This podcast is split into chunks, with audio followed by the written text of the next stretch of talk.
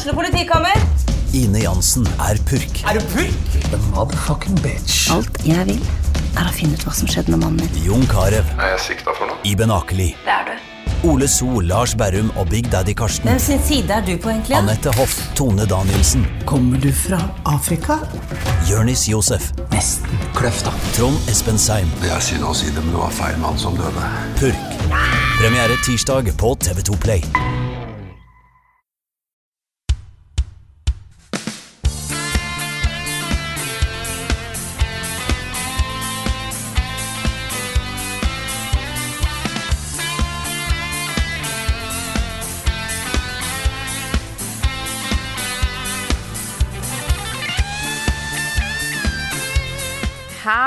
Og velkommen til Sliten podkast. Her er med meg, Frida Danmo, er dagen etter tiårsjubileum. Da tærer litt på energi og stemmer, merker jeg. Men det blir nå en eh, knakende podkast likevel. Her vi er samla i dag fysisk på Eldorado. Oh, yes.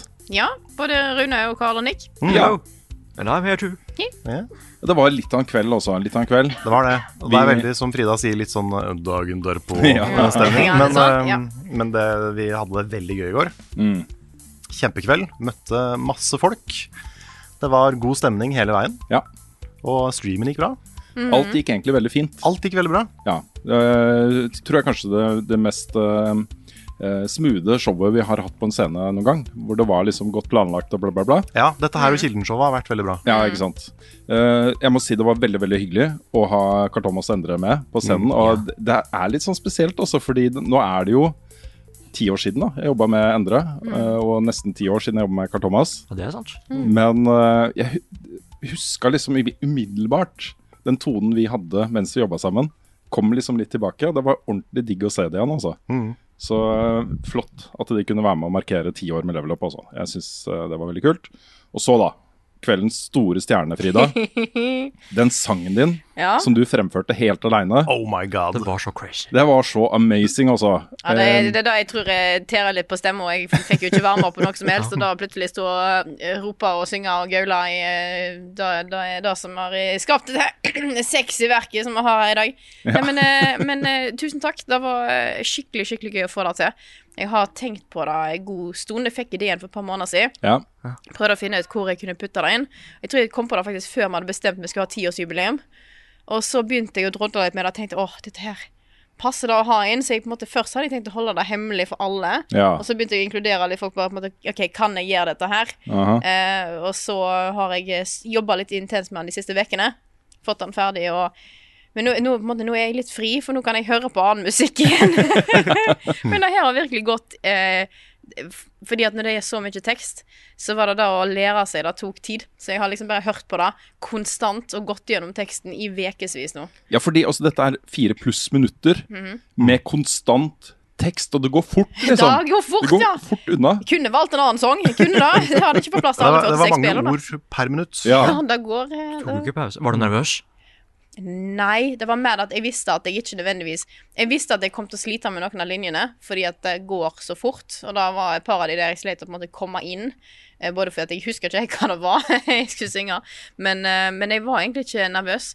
Um, litt fordi at jeg hadde hatt den testen Vi hadde en gjennomkjøring tidligere på dagen og fått litt tilbakemeldinger fra dere, så det visste jeg at ok, jeg er på rett spor her. Mm. Men den, den tilbakemeldingen som kom fra salen i dag bare jeg starta, det var jo klapping hele veien. Ja, jeg har tegne- aldri vært med på noe sånt før. Nei, Vi må tegne et lite bilde. Dette er jo en lydpodkast. Dette kommer jo ut på YouTube-kanalen vår, og det ligger nå på Twitch også. Folk kan gå og se eh, opptak fra showet. Men her var det snakk om da eh, taktfast klapping gjennom hele låta, og stående, tordnende applaus etterpå Ja. fra hele salen. Det er nok det tøffeste noen i Level Up noen gang har gjort, og noen gang kommer til å gjøre. Ja, det tror jeg også. Det tror jeg også. Vi får se da om det blir noe uh, vi klarer å pushe dere i Ja, problemet vet du, du har satt et så utrolig høyt nivå nå. Nei, men Ja, altså, så- Du avslutter med å, liksom, et lite håp da, om at dette kan inspirere til eh, noe greier i fremtiden. Mm.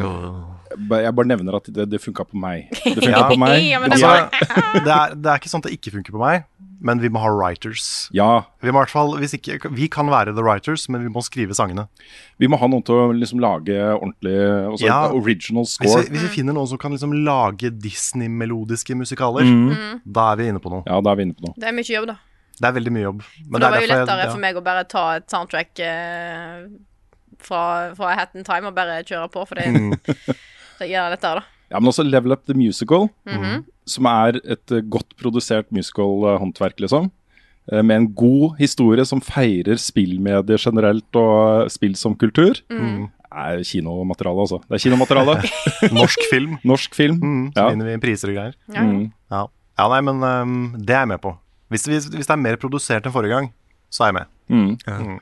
Hva skal du synge da, Nick? Jeg holder meg egentlig unna. Jeg, jeg, kan, jeg kan spørre om jeg kan si sangen. Ja, Ja. Ja, Mm. det er sant. Det er jo noen sanger som er sånn. Ja, ikke At du liksom snakker sangen. Ja. Det, det er greit. Og så trenger jo en sånn film trenger jo en regissør. Å ja, men da har jeg lyst til å være det isteden. Ja. Da Da må du få oss til å være our best, ikke sant? Ja, ja, ja. Være coachen vår. Ja, men det hadde vært en superkul mulighet, da. Mm. Sånn, sånn faktisk, liksom. Ja, ikke sant? Ja. Men da kan du ha en, du kan ha the director's song. Ja. At vi liksom vi bryter den fjerde veggen, og så, Ja. og så har du en sang om å være regissør. ja den, er, den er fin. Mm. Da får jeg vært med litt, jeg òg. Ja. Ja, ja, ja. Mm. Nå blir det mye snakk om oss selv her, men eh, det er litt viktig for oss også, da. Fordi eh, på mandag var jo da tiårsjubileet for den aller første episoden av Level Up. Offisielle. Mm. Offisielle. uh, og vi markerte jo det da med det store showet vårt her på Eldorado. Vi sitter på Eldorado fortsatt. Ja, også vi har vært hjemme, hjemom da og Ja, litt og vi, har, vi har vært her i åtte timer etter showet og bare slapp av. Um, ja, men det er litt viktig for oss. Og um, det som jeg syns er ekstra stas da, med å feire ti år, det er å føle at vi har liksom bare så vidt begynt. Jeg føler det er så mye mer jeg har lyst til å gjøre uh, framover. Mm. Og det er på en måte ikke i nærheten av å miste gnisten for, uh, for prosjektet vårt. Og det er uh, flott å se også. Mm. Um, før vi går videre, så har jeg lyst til å lese opp et kort vi har fått. Jeg har ikke lest det ennå selv. Nei. Jeg har skumma det litt, bare for å sjekke at det er egna i uh, podkasten. At det ikke står bare masse fæle ord og uttrykk. Ja, Ja. men vi har jo fått så mange hyggelige tilbakemeldinger fra folk. Eh, på showet var det en som hadde flydd fra Tromsø. Ja, han prata jeg med. Ikke sant? Jeg også, bare for å være her og feire dagen med oss. Uh, og vi fikk jo masse tilbakemeldinger på at eh, folk syns det er et ordentlig hyggelig community å være i. eh, og et community som betyr mye for dem. Mm. Og det er jo sånn vi føler det også, ikke sant. Yeah. Så det kortet her håper jeg da eh, representerer litt den type connection vi har med eh, seere og lyttere og uh, communityet vårt.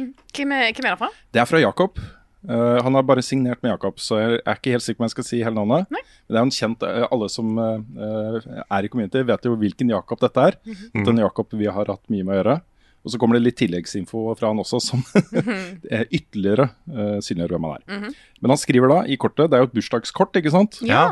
Kjære Rune, Carl, Nick, Frida Svendsen, Lars, Espen, Bjørn og resten av Level Up-familien. Jeg vet ikke helt hvor jeg skal starte når jeg skal fortelle om hvor mye Level Up har betydd for meg i alle disse årene. Da jeg oppdaget Level Up, var jeg en usikker tolv år gammel gutt som er flau over å like spill, og med begrenset sosial krets.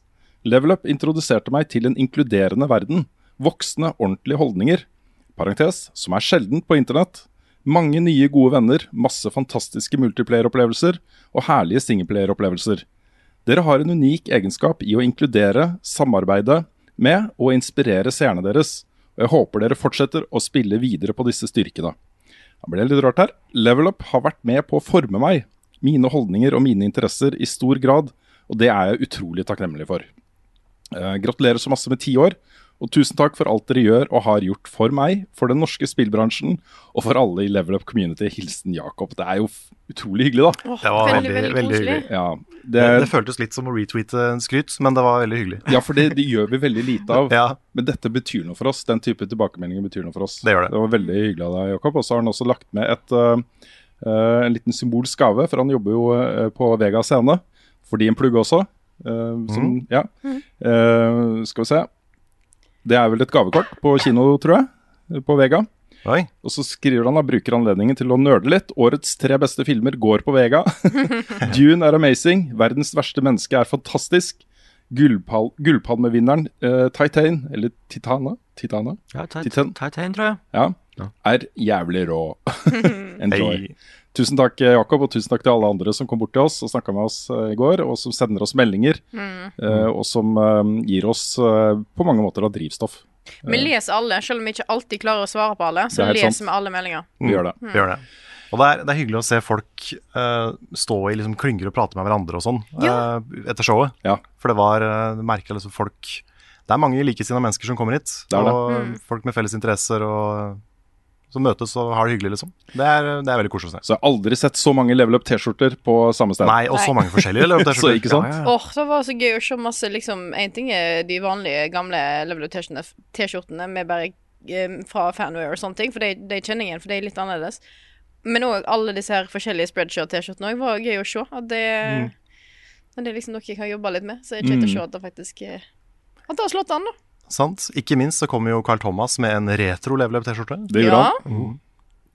Vi må finne ut hva vi skal gjøre med den. Det må vi. Det går jo an å putte den i på en måte store bilderammer, sånn som folk har i Ja, fotballskjorte er. Ja. og sånt. Ja, det er sant. Mm. Mm. Men jeg, jeg kan jo si når vi er inne på T-skjortene Noe jeg glemte å si på showet i går! ja. Eh, noen har kanskje merket at jeg hadde ei ganske fin eh, gullglitrende level up T-skjorte. Og du kan òg kjøpe en sånn en. Eh, Dette er nemlig en egen sånn setting på spreadshirt som er litt gjemt. Men vi har òg laga et nytt design nå. Veldig enkelt. Der står eh, det vanlige logoen vår, så står det ti år. Eh, den er ute på spreadshirt. Mm. Og hvis du går inn på levelupnorge.myspreadshop.no I hvert fall på datamaskin. Er litt, det er litt kronglete på mobil, men i hvert fall på en datamaskin. Helt øverst står det 'tilpass'. Trykker du der, så kan du velge motiv, og så velger du trykkmetode. Eh, spesialtrykk. Da kan du Ah. få glitter. Oi, oi, Det er oi. gullglitter, og det er sølvglitter, det er Oh. rødt glitter. Jeg tror kanskje jeg skal ha tiårsskjorta i rødt glitter. Så. ja, det, det er kult. Mm. Special glitter for special people. Så jeg tenkte bare å informere om det. Mm. Mm. Yes. Vi, um, alt dette innholdet fra show og sånt vil jo komme på kanalene våre framover. Uh, men vi har jo en vanlig podkast å lage også. Skal vi lage den, eller? Ja, Vi får lage kan, kan jo gjøre det.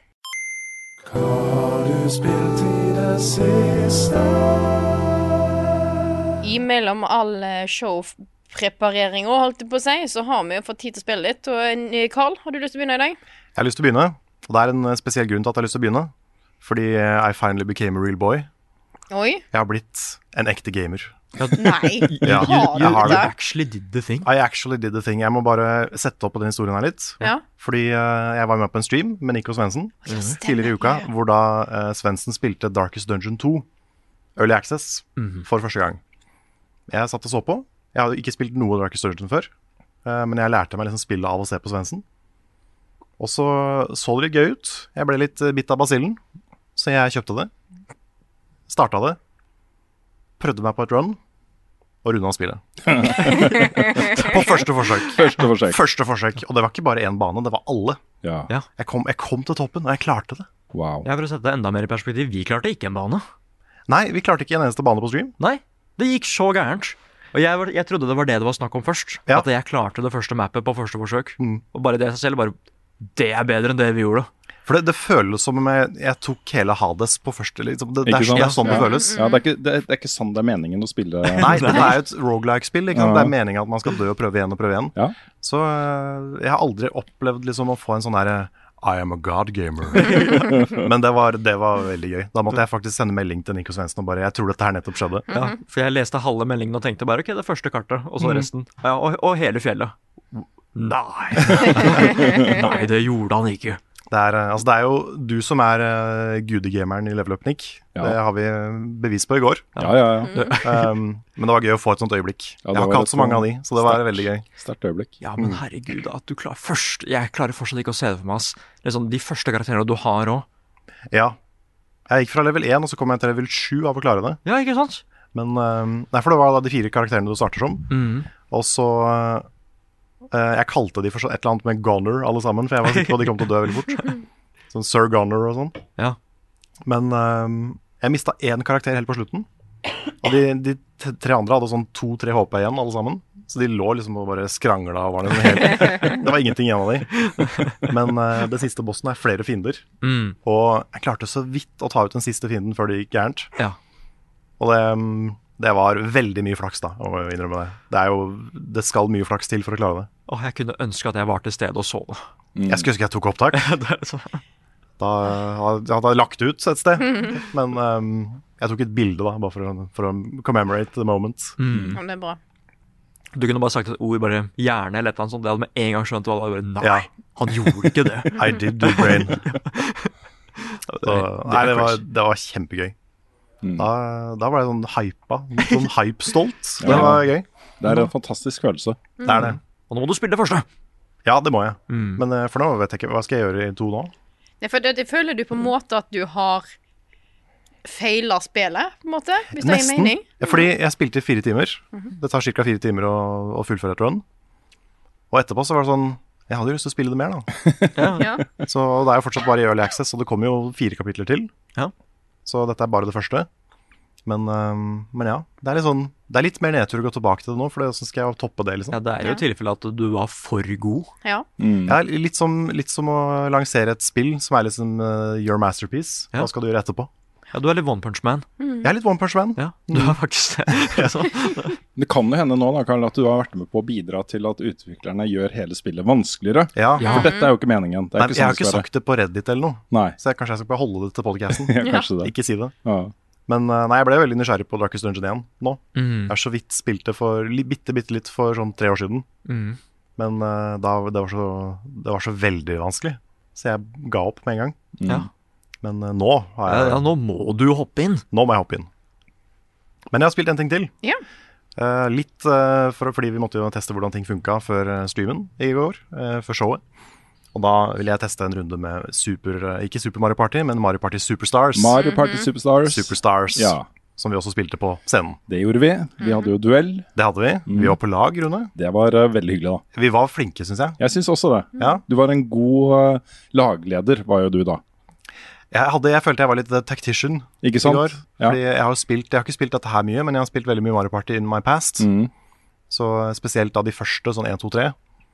Og det er jo de eh, dette spillet her eh, henter mye content fra. Mm. Både minispill og boards og ting og tang. Mm. Så jeg følte jeg var litt i mitt element. Det var det.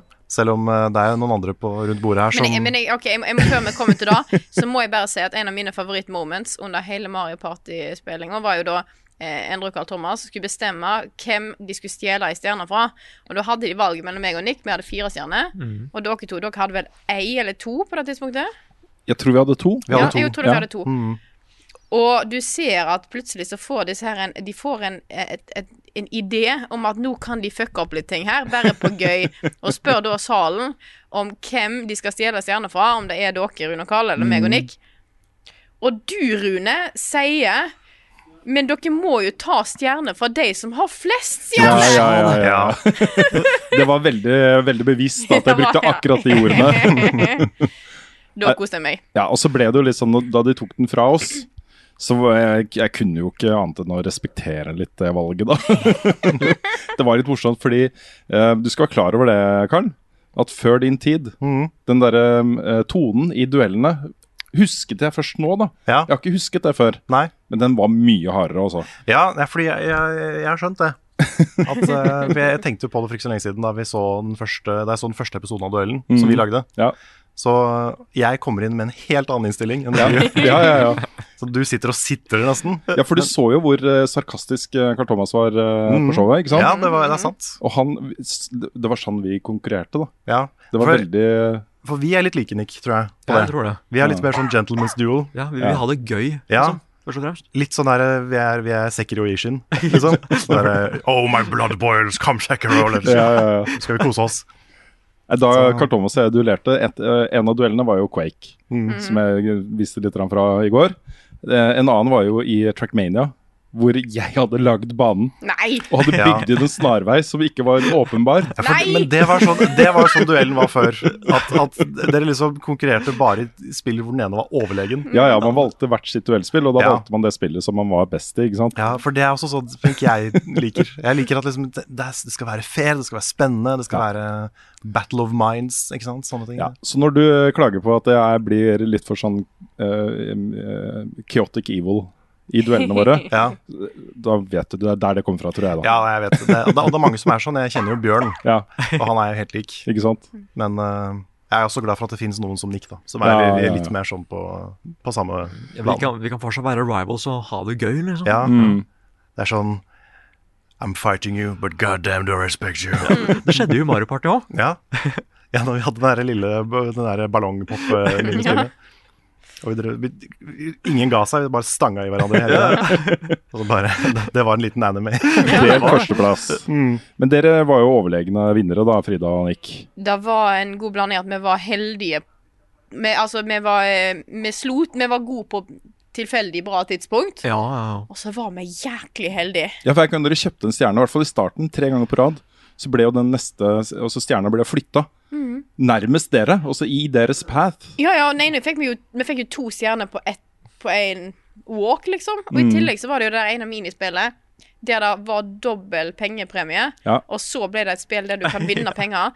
Og så fikk jeg Var det 62? Du fikk over 60 Ja. points, Det er liksom. helt, det er helt tullete. For du, du samla 32 eller noe sånt penger i spillet, men det var da ganger to. Ja. Så du fikk jo liksom nok penger til resten av gamet. Ja. Nei, det var helt ekstremt. Og så du rulla jo som en gud. Vi fikk jo så gode rolls. Ja, ja, ja. Med de trippelterningene. Ja, ja. Hver gang vi brukte en trippelterning, så fikk vi en stjerne. Eller to. Til, til og med to. Og det er så gøy, fordi det var så skikkelig jeg enig med når jeg tenker litt over det. Jeg har alltid konkurrert mot Frida i duellen. Ja. Og da er det et sånt kult øyeblikk som skjer i alle animeer òg, bare at det, disse to må faktisk jobbe sammen. ja, det er sant. Det kan bare være stilig, liksom. Åh, det var eh, Det er et punkt hvor jeg sier at vi må myrde dem, liksom, for å være helt sikre. Vi, vi, hadde, vi hadde sju stjerner, men bare vi skal være helt sikre på at vi vinner det her. Ja. Hva er det vi er nødt til å gjøre? Men det var kjempegøy, og vi hadde så flaks. Ja. Sju stjerner på 15 turns, det er ganske Ja, det ekstremt. er ganske ekstremt også. Men det var jo sånn, ok, um, uh, spillet i seg selv um, Det var ikke ett kjedelig minispill der. Jeg Nei. tror de er inne på noe veldig veldig kult også med denne samlepakken. da. Dette er jo Greatest Hits. Ja, det er faktisk det. Ja. det er, eh, jeg vet ikke hvor mange minispill det er i spillet, men det er mange. Mm. Og det er jo, som sagt, alle de beste. I hvert fall veldig mange av de beste. Ja. Og banene er jo fra Mario Party 1, 2, 3. Uh, også noen av de kule. Ja. Jeg savner litt mer innhold, merker jeg. Okay. Fordi uh, Mario Part, de, de Mario Partiene som jeg spilte mye før, da, de hadde mer i seg enn de nye har. Så her er det liksom Her er det fem baner uh, og masse minispill, da. Men før så var det liksom De hadde singleplayer modes, og de hadde en del sånne forskjellige minigame-øyer som du kunne gå og utforske og liksom DLC. Ja, Ja. Det, for det, vi venta jo på det med forrige spill, da. Super Mario Party, og så kom det aldri. Nei, fordi du hadde allerede bestemt seg for å lage dette her. Ja, kanskje. Ja, kanskje. det gir mer mening nå. Mm. Så jeg håper jo det kommer noe mer. Ja. For jeg, jeg er en av de som likte den der singleplayer minigame-øya. Som ble et sånn plattformspill, nesten. Hvor hver level var et minigame. Ja. Og så måtte du vinne alle for å komme videre. Er den helt borte? Ja, den har ikke vært i, vært i serien på lenge. Huh. Jeg tror det siste som hadde, var Mario Party 2 eller 3. Ja, for da, for da innser jeg for at jeg begynte jo på Mario Party 4, Mm. så jeg har jo missa de tingene her. Ja, for det var mye kult i starten, som de har gått bort fra. Så jeg hadde håpa at kanskje det spillet her skulle bringe det litt tilbake, da. Siden det henter så mye fra, fra de gamle. Mm. Men, eh, men ja, litt lite content, men det som er her, er veldig bra. ja, og det var den ene tingen. Den andre tingen var jo at her, vi duellerte da mot et lag bestående av Endre og Carl- Thomas, Mhm. og et lag bestående av um, eh, Audun Mhm. og Erling fra Good Game Gamer. Mhm.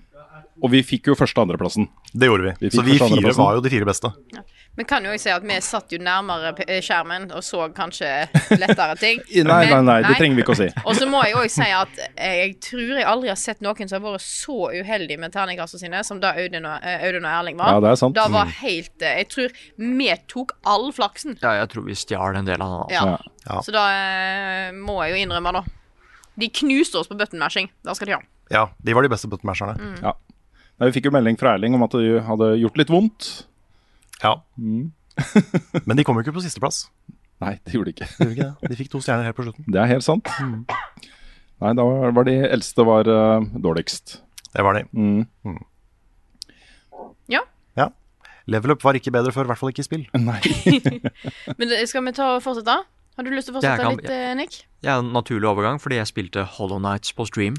Du Helt konge, altså. Ja, vi satte i gang Hollow Nick. Du spilte ikke bare Hollow Knight på stream, du knuste Hollow Knight på Ja, styr. fy fader. Altså, du eh, spilte jo eh, til og med første boss. Og tok Mm. første boss på Ja. første forsøk. Jeg kan si såpass da at uh, mitt første run i det spillet, det er sikkert dødd 15 ganger. Og du døde ingen, Ingen. ganger. Null. Ingen ganger. På en scene? Men eh, favorittøyeblikket mitt Det er jo sånn i alle Metroidvania-spill, eller i hvert fall mange av de, Mm. at du kan bruke litt sånn avanserte moves for å komme deg til steder hvor ikke det er meningen du skal komme deg til. Mm. Det kan du i Metroid Red, og du kan det i mange andre Ja, ja. også. Det første Nick gjør i spillet nesten, det er å spike-jumpe. Og det er en sånn avansert ting i Hollow Nights. Veldig. Som ikke jeg skjønte at jeg kunne gjøre før sånn 20 timer ut i spillet. Jeg har aldri gjort det. Og det er literally det første Nick gjør. Kommer seg til en sånn der hemmelig charm med en gang. Og sånn, Å, kan jeg komme opp her? Whoop! Ja. Ja, det var magisk, og bare det hadde vært gøy hvis det gikk. Nei, det var helt konge også. Jeg gleder meg sånn til å fortsette på det, på det spillet. Og Det har vi tenkt å gjøre når vi eh, får kontorplass. Og ja, vi kan kanskje begynne før det. Ja. For å ta switchen min og Ja, sette oss et sted, liksom. Ja, Filme noen episoder, liksom. Det kan være. Ja, det er litt gøy, fordi alt er litt sånn blur. Fordi Jeg husker at vi Jeg hadde lyst til å ha en sånn kul finish. Og Det var da dere begynte å snakke om bossen, liksom. Så bare driter vi i alt det som skjer her. Hopper gjennom disse områdene her. Driter i alle fiender, alle penger. Du hopper over så mye penger. Jeg fikk jo helt angst. Jeg beklager at jeg hang meg opp i det underveis. Da... Ja. Nei, for da var jeg veldig sånn Ok, nå skal vi finne en bossen, så kan vi bli ferdig med dette her. Ja. For jeg var, jeg var litt stressa, siden det var Dette var min del av showet, liksom. Men da var det gøy at det gikk så bra med bossen. Kanskje stresset jo Det er Darkest Dungeon, det òg, Carl. Ja, kanskje det. Ja, jeg reagerte positivt på stresset med å ta den bossen. Jeg ble mer fokusert. Liksom. Sant. Nei, det var gøy å se hvordan du lærte deg det, det mønsteret Ja. med en gang. For du, du, er, du er veldig flink til å på en måte ikke gå hardt inn med en gang. Ja. Men du er litt forsiktig i starten. Bare observere bossen, og så går du på når du vet hva han gjør. Mm. Det er veldig smart. Ja, for det, det er et spill jeg, jeg likte ikke å bli slått i det spillet. Fordi lyden forsvant. Sånn. Ja. Ja, Ja, du det- får den derre boom. Ja, det føltes ikke bra. det er ganske kraftig, den der eh, da blir truffet, ja. Mm. Nei, så jeg, jeg er kjempespent på å spille mer. Jeg er kjempespent på å se mer. Mm. Jeg har jo ikke runda det spillet. Nå skal jeg kanskje prøve å følge deg litt. Og spille litt sånn i takt med deg, da. Ja. Jeg tror kanskje jeg skal spille det sjøl, bare for å ha det litt friskere i minnet. Jeg har lyst til å runde det før Silk eh, Song kommer også. Ja, Det er Ja, eh, stemmer det. men det er, det er et fantastisk spill, altså. mm, Sånn virkelig. Ja, noe, det vet jeg noe av det beste som har kommet ut på mange, mange mange år. mm. Skal jeg ta fortsette? Ja, jeg er ferdig, jeg. Ja. men Da kan jeg fortsette med noe jeg eh, Jeg kan nevne kjapt at jeg spilte jo litt eh, Klang 2 på, på scenen. Mhm. Veldig gøy å snakke med, med utviklerne og alt på scenen og diskutere litt ting. Jeg fikk ikke spilt noe spesielt mye mer enn det jeg har allerede spilt. Jeg har kommet litt lenger sjøl, så det gleder jeg meg til å fortsette med. Men jeg har tatt opp et lite spill eh, siden sist, og da er jo nye Pikmin Bloom. Ja. Som er jo eh, Nintendo Niantic som er på plass her. Har lagd et nytt eh, koselig spill med kjente, kjære Nintendo-karakterer. Jeg tror dette er en, eh, er en test for å sjekke om de får nok publikum til Eller får inn folk da til, til Pikmin-serien før de eventuelt kommer med Pikmin 4 Please. Ja, det er smart. Så det er min uh, hypotese, det. Det er Jeg har ikke helt fa blitt fanga av, av greiene her ennå. Det er litt basic, syns jeg. Du får liksom uh, Du kan Du finner liksom en Pikmin-bud, da, og så skal du klekke deg ved å gå så og så mange skritt. Og så nå har jeg fått eh, Så klekkes det, da får du en Pikmin. Og så kan du gi de nektar for at blomen på toppen av hodet deres skal blomstre, og da kan du få um, eh, Kan du få blomster som du da kan måtte, aktivere, og så vil du lage blomster der du går. Og så skal en på en måte lage blomster på hele kartet her, da er på en måte Ah. ja, men jeg har liksom Akkurat nå så har jeg pikminner, Jeg har et par stykker. Jeg har fått en noe rød, og så har jeg fått en blå. Den var en eller annen fordi jeg tror jeg linka Nintendo-kontoen min, så jeg har fått en blå en med Mario-hatt. Den er veldig søt. Så, så jeg vet liksom ikke helt eh, hva mer jeg skal gjøre det fra, egentlig. Det Det er er bare litt, å få eh, flere. Jeg vet liksom Det, Ja. det, det, det mangler et eller annet her, da. Det mangler den kanskje biten som Pokémon hadde, med fanging og, Mm. og, og liksom gymma Eller disse greiene. Jeg klarer ikke helt Det kan være jeg har missa et eller annet, men jeg føler ikke at jeg har noe mer å gjøre. Men også Nei. etter suksessen med Ingress og da Pokémon Go, så var det mange som spådde at ok, denne AR-mobilspillinga, dette kommer til å ta helt av. Hva kommer det nye brands inn med sine ting og sånt. Men nå legges jo Minecraft Earth legges ned. Mhm. Eh, Harry Potter, Wizards Unite Ja, det er også legges ned. Niantic, er det ikke det? Stemmer. Mm. Um, det er vanskeligere, vanskeligere enn jeg trodde da Ja. å få sving på den sjangeren der, hvis ikke du er Pokémon Go. Men jeg ser jo òg Jeg har jo sett når jeg går forbi folk på gata nå fortsatt å spille Pokémon. Ja. Um, men jeg føler at da har du på en måte Du har noe du skal gå og hente, du har noe du kan gjøre. Nå er det liksom Det føles bare som en eh, inkubator da for Pikmin som egentlig ikke gir noe. Så, um, så jeg syns disse her er søte, for jeg er veldig glad i serien, men jeg klarer ikke å skjønne at dette her er noe fengende. Det er liksom Det er på det samme nivået nesten som, som dette her eh, andespillet jeg snakka om for et par uker siden. Um, for da er det bare at du på en måte skal klekke egg og få ende i clusterduck. Clusterduck, hva det heter. Eh, men det på en måte, da skal du på en måte få fram eh, spesifikke egenskaper og type ende og utseende og sånne ting. Da er det jo ikke her heller. Så jeg klarer liksom ikke helt ennå å se hva som er gøy her. Minner meg litt om situasjonen med World of Warcraft. Etter den, den suksessen der så skulle jo alle lage store online-spill, inkludert Funcom. Som var sånn Å, det er så svært, det er så mange mennesker, og de går fra spill til spill, og dette blir så stort, og nå skal vi tjene masse penger. Og så var det jo bare WoW i mange år som klarte å ha liksom den størrelsen. Folk testa ut nye ting, og så gikk de tilbake til WoW. Uh, sånn er det litt nå med AR-sjangeren. Men uh, MMO har jo kommet voldsomt sterkt tilbake. Det er jo flere andre spill nå som har eh, gode eh, spillertall. spillertall. Så kanskje vi har liksom bare sett en smakebit da, på AR-framtiden på mobilen. Men det er liksom, jeg, jeg føler at det burde vært mer her. For en ting er at jeg har aldri brukt i hvert fall i Pokémon GO og sånt også, den der AR-biten å kunne ta bilder av Pokémon i virkelig verden. Da kan du gjemme med Pikminene her òg, da. Men jeg føler at det burde være noe mer å gi med dem. Ja. Ja. Gi noe mer gamification ut av ting her, da. Så Men- du har noe å gjøre på når du ikke går. Mm. Men det er litt typisk Niantic også, å gi ut spill som er litt uferdig.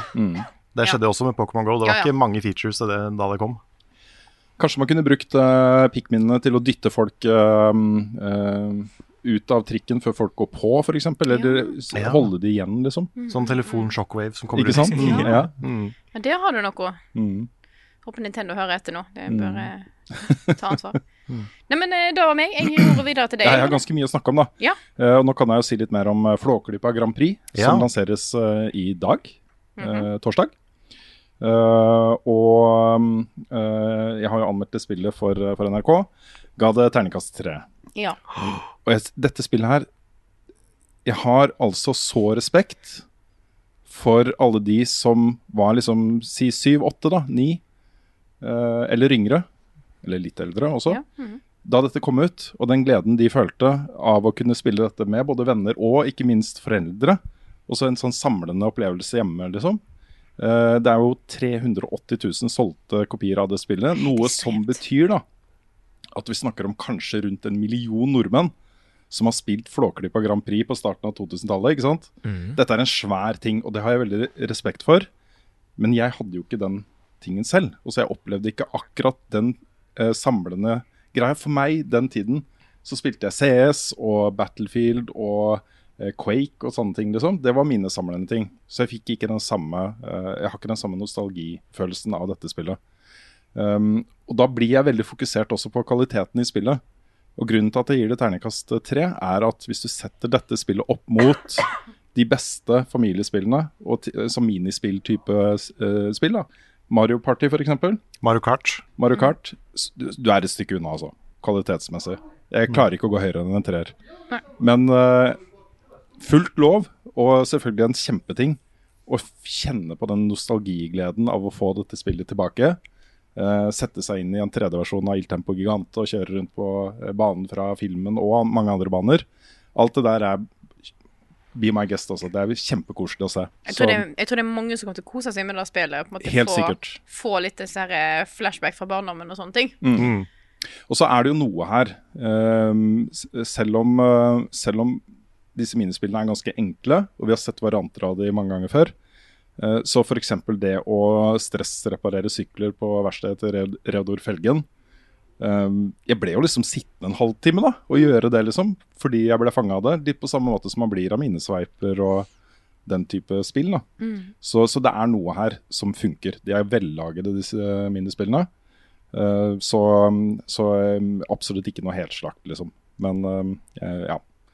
Treere vet det er mange som er skuffa over den, men jeg, jeg, det er min mening, liksom. An anmeldelser er subjektive, og da er ut fra ditt utgangspunkt. Så Ja.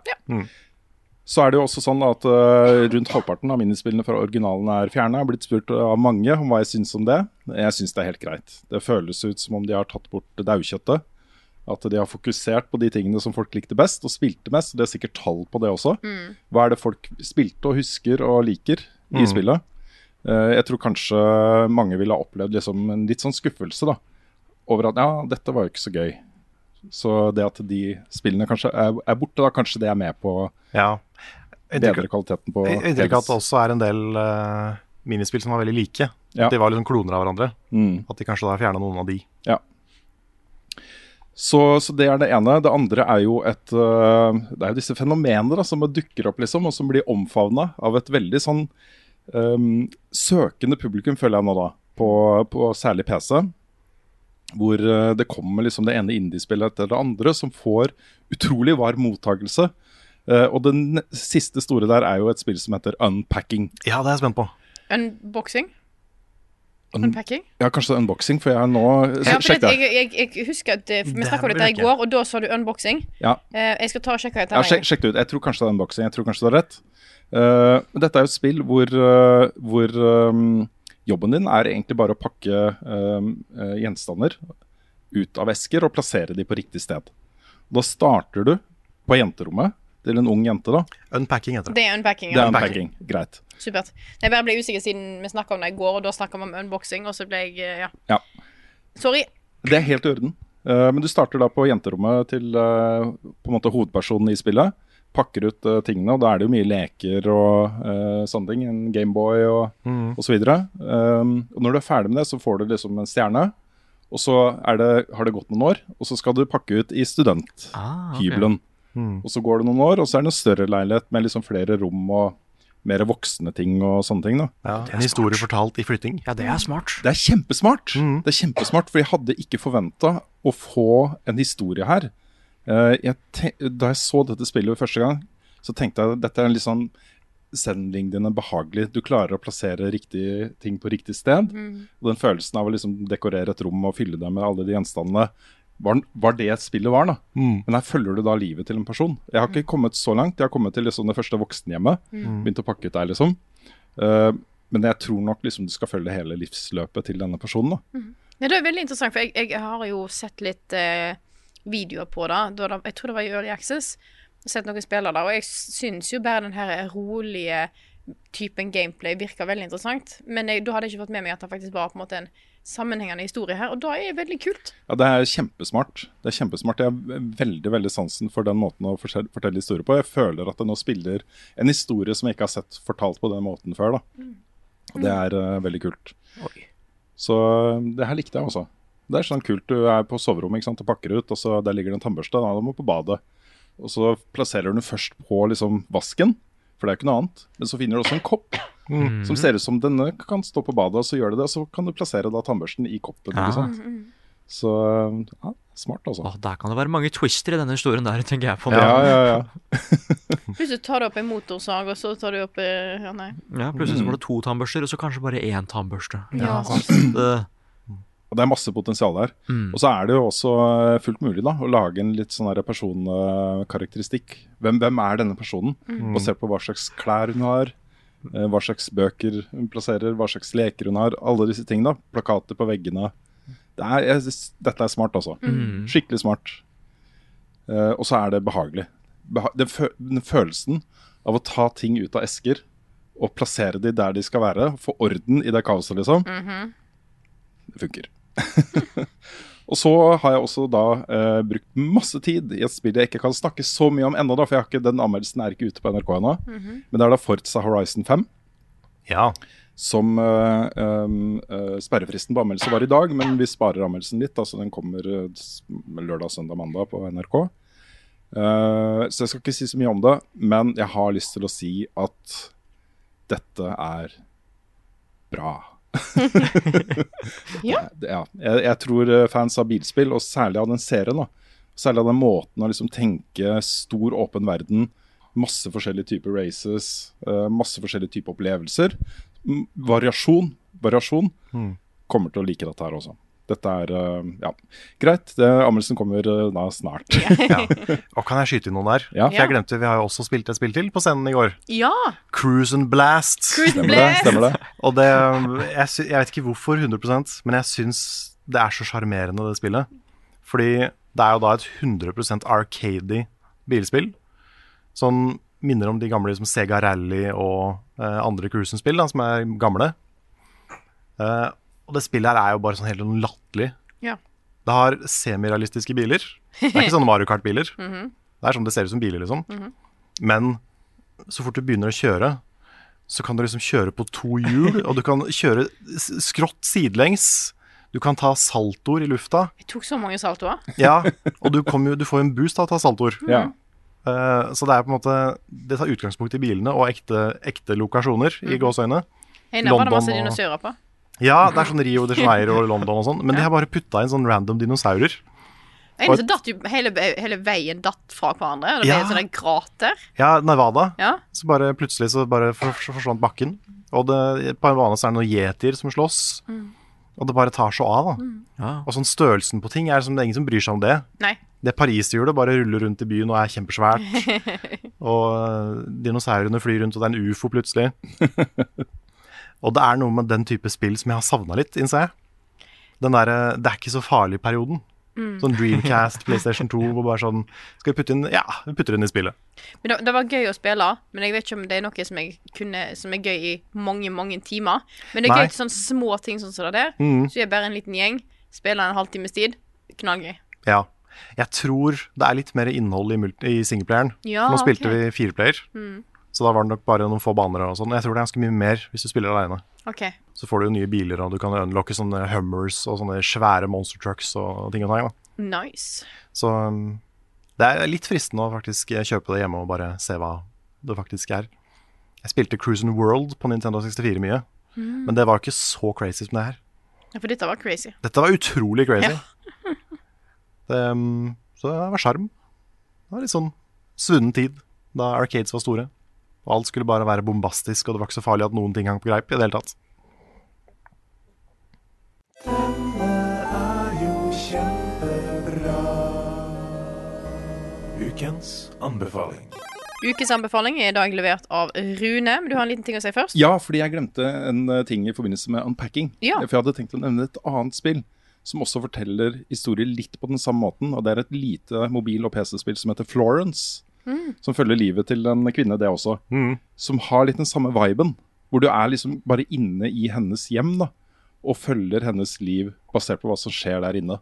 Og så kommer det inn liksom en, eh, en kjæreste, og, ikke sant? Altså, du følger hele livet hennes på den måten. Eh, det, det, ja, jeg vil bare nevne det. Det er en flott opplevelse på mobil, det også. Og PC. Eh, tror jeg også på PC. Yeah. Men OK, ukens sammenfaling.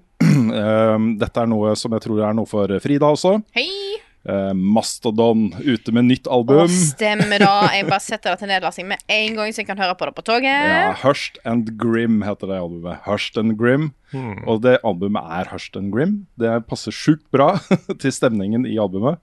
Og det, er, eh, det her blir litt sånn fleksing av eh, se hvem jeg kjenner og sånt. Det bor i nabolaget til Asbjørn Slettmark, så, som jeg også kjenner fra gamle dager. Han jobba med eh, bransjemagasinet Faro-journalen. og han ga jo dette albumet toppscore i Aftenposten. Uh, Og jeg møtte han på gata før jeg hadde hørt albumet da, og kommenterte anmeldelsen hans. Eh, og han var sånn Vet du hva, jeg hører på det fortsatt. På Bergens, da. Og eh, blir aldri ferdig. Det er fort, jeg oppdager fortsatt nye ting med det albumet her. shit. Og Det er sånn det føles å lytte gjennom dette albumet, og liksom gang etter gang da oppdager du nye ting. Det er så deilig å få en sånn type albumopplevelse tilbake, for det er lenge siden nå, altså. Som har liksom virkelig fordypa meg i et album, og jeg er bare jeg skraper på overflaten. Men det er så mye bra stemninger og gitarriff og, og sånt i det albumet her, altså. Og dette er jo sånn på grenseland da, mellom den rocken jeg egentlig liker best, og den rocken du egentlig liker best. Og så midt mellom progrock og litt sånn tyngre Ja. greier, liksom. Uh, men, uh, men dette er eh, utrolig stemningsfullt, altså. Perfekt album for høsten 2021. Så Ja. dette kommer til å prege, prege hele hverdagen min eh, framover. Veldig bra. Så må jeg også nevne den beste nyheten jeg har fått på sjukt lenge. Moderat kom med nytt album! Og det er en sånn der, Moderat har jo blitt en sånn der kjempefavoritt hos meg. Eh, kanskje mitt all time favorittband blitt. Dette består av tre eh, tyske elektronikaartister som slo seg sammen. altså Moderat er jo en kombinasjon av navnene til de tre. De skulle bare lage tre album. Nå kommer det fjerde albumet! Det fjerde albumet kommer! og jeg er så gira på det. Så det var kjempegøy også. Ja, så så jeg vet jeg har klart å konvertere noen til Moderat-fans, akkurat som jeg ble det av Håvard. eh, som eh, kjent i mange level up-sammenhenger, han også. Eh, så nå tror jeg det er også kanskje mange andre som ble glade. Her kommer nyheter med Rune Fjell-Olsen, og han har ikke hår. Store nyheter i starten av ukens nyhetsspalte. Facebook har funnet opp The Metaverse. The Metaverse. The Metaverse.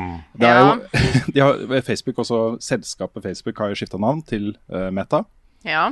Uh, og det er jo tydelig nå at vi begynner å se eh, planene deres med Oculus-oppkjøpet. Eh, de ser jo for seg da The Metaverse som fremtiden, hvor på en måte eh, de digitale livene våre blir mer sånn Uh, inkluderende, og at man skal se hverandre og interagere med hverandre og, og sånne ting. Hvis de begynner å levere mat, så kan de kalle det for metafor. Yes! Uh, mic drop. Uh, det ble jo da um, Navneskiftet ble jo da annonsert med noen videoer. Hvor du fikk se liksom Zuckerberg uh, bli en avatar og inn i en verden og masse sånn. Og så fikk han telefoner inn med valpebilder og sånne ting. Uh, og det er jo ting som tyder på at de kan lykkes med strategien, liksom. Eh, dette kommer de til å satse ganske tungt på. Men det er jo ikke sånn at de har funnet opp denne måten å interagere med hverandre på. Nei, men jeg, men jeg syns jo bare Facebook allerede er for eh, Har for mye makt. Ja. Jeg syns vi begynner å nærme oss litt sånn dystopisk ting. Nå er jeg bare jeg er litt trøtt og blir jeg enda ba, mer ikke bare litt. Nei, Nei. men jeg, jeg tror nå er jeg litt sliten, og da blir jeg alltid enda mer kritisk enn det jeg kanskje pleier å være. Mm. Men jeg syns eh, Nei, altså. Nei, jeg, jeg klarer ikke lenger å se ansiktet til Mark Zuckerberg uten å tenke på all dritten Facebook har gjort. Nei, det er litt sant. Så det, jeg heier jo ikke på den mannen, liksom. Jeg heier ikke på Facebook i det hele tatt. Nei, det har jo vært masse avsløringer nå de siste ukene. Med sånne whistleblowers som har fortalt om interne rapporter hvor det har kommet fram da, at de har sittet og sett på algoritmene fucke med livene til folk. Uten å agere, fordi det hadde de tapt masse penger på. Ikke sant? Jeg, åh, og så er liksom, de, har, de har ført til liksom de, Altså, folk, masse folk har jo dødd pga. ting som har skjedd på Facebook. Mm. Med liksom måten me meninger og sånt blir spredd, og det er bare sånn Ja, men ja vel. Det har jo vært eh, land som har blitt ekstremt påvirka av måten Facebook har blitt brukt på i landet. Ja. Mm. Det er helt, helt krise. Blir, ja. Ja, det, er, det, er, det er masse der. Um, I denne um, Også Facebook vil jo fortsatt hete Facebook. Det er akkurat det samme som da Google skifta navn til Alphabet. Uh, det tenker man jo ikke på. Nei, ikke Nei. tatt. Nei, Google er jo fortsatt Google, liksom. Mm. Så Facebook vil da fortsatt være Facebook.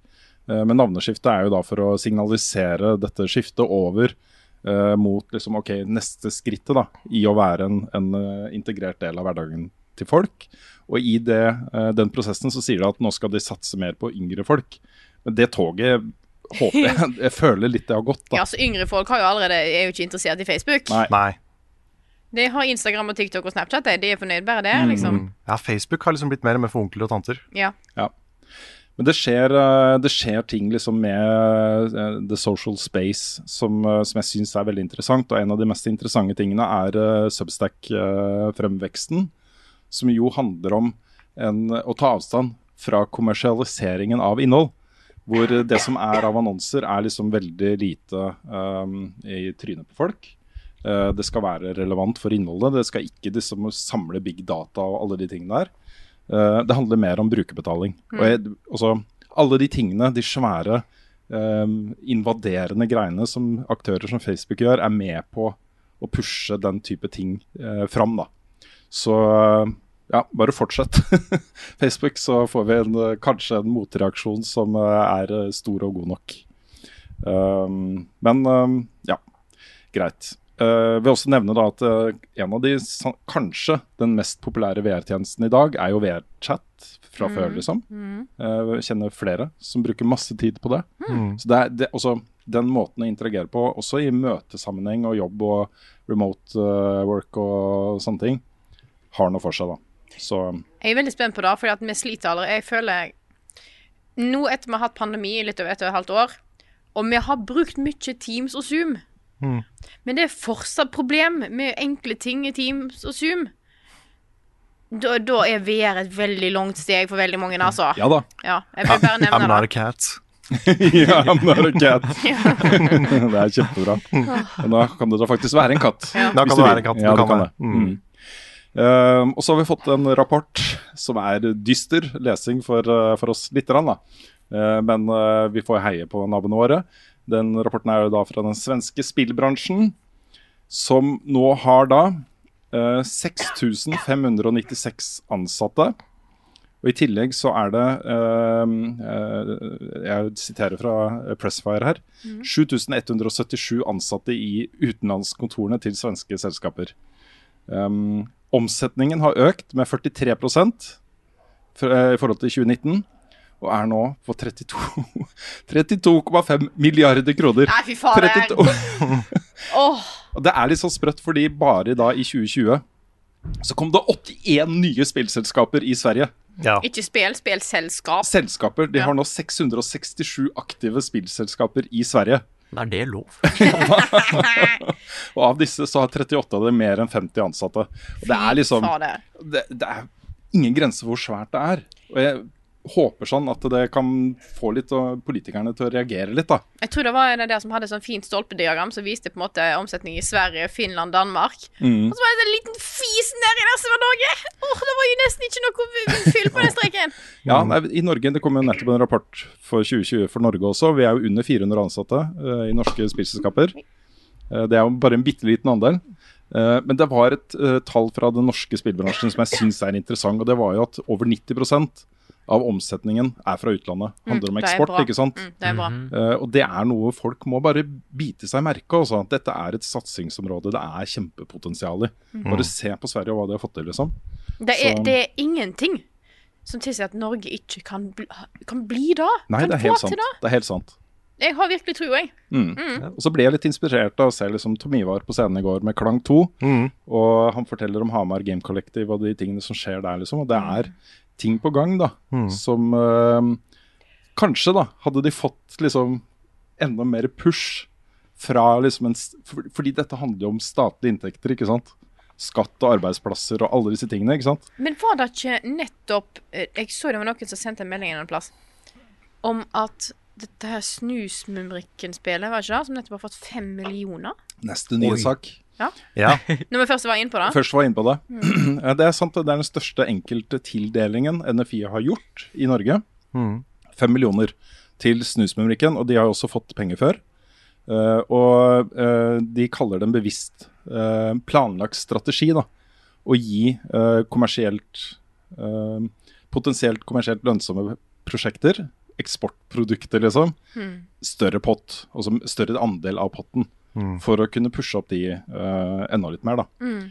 Fem millioner er fortsatt ikke sånn vilt mye. Det er, uh, Nei, men det er jo noe. ja, det er Er fem det- ansatte i ett år. Dette er bare spørsmål, ikke en antakelse. Uh, er det lettere å få støtte til lisensierte ting? Også Mummi- Mummitrollet er jo en veldig kjent internasjonal merkevare. Ja, det er en kjempegreie. Ja. I hvert fall i Norge. Ja, og i Japan og mange andre steder. Ja. Ah, ok. Eh, Mummitrollet er kjempestort i Japan. Så hvis det kommer et bra Snusmumrikken-spill på markedet, så kan det selge sjukt bra. Mm. Mm. Det er helt sant, også. Så, um, uh, så det er bra. Mm.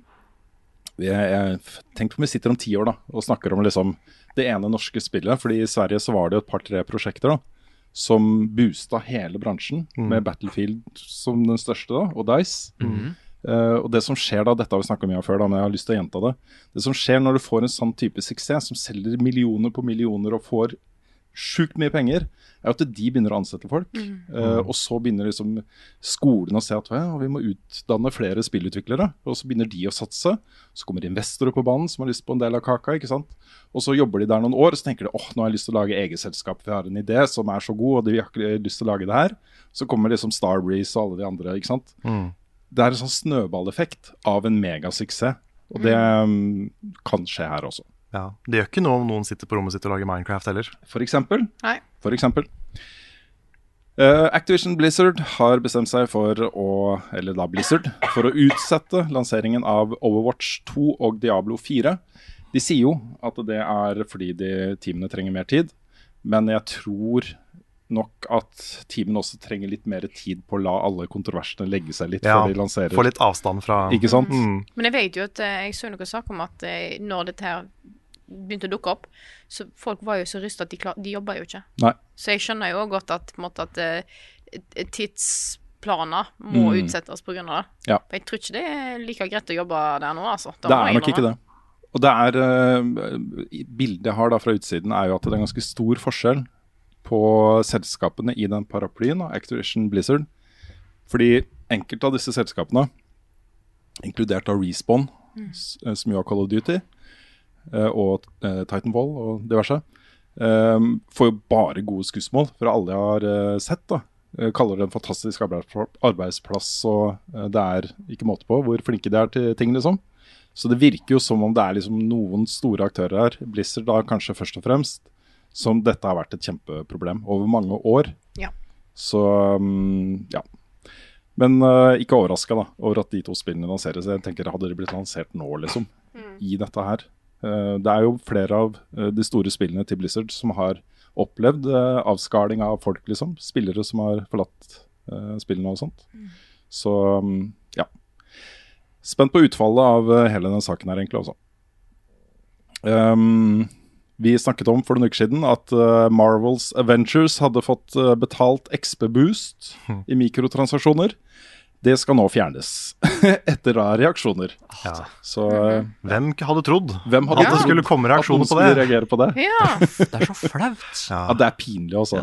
Det må jo være en sånn her kalkulert Ok, hvor sinte blir folk? Ja. Hvis de blir litt sinte, så er det greit. Hvis de Ja. blir veldig sinte, så fjerner vi det. Ja, men jeg tror det de venter på, det er to ting. Det ene er på en måte hvor sinte blir folk, men det er også ok, hvis folk er sinte, men bruker penger, Mm. og kjøper de boosten, liksom, så må det jo være greit. Da kan, da kan vi leve med Ja, at folk er litt sure, ikke sant. Men det som sannsynligvis har skjedd, er jo at ikke nok mennesker har gjort det, da. ja. Mm. Så det er bra. Da har folk eh, eh, demonstrert med pengeboka si. Det er bra. Vote with your wallet. Søkket teite utviklerfolk eh, som sitter oppi der med suits. Yes. Yes. Mm. Det går nå et eh, ganske morsomt rykte.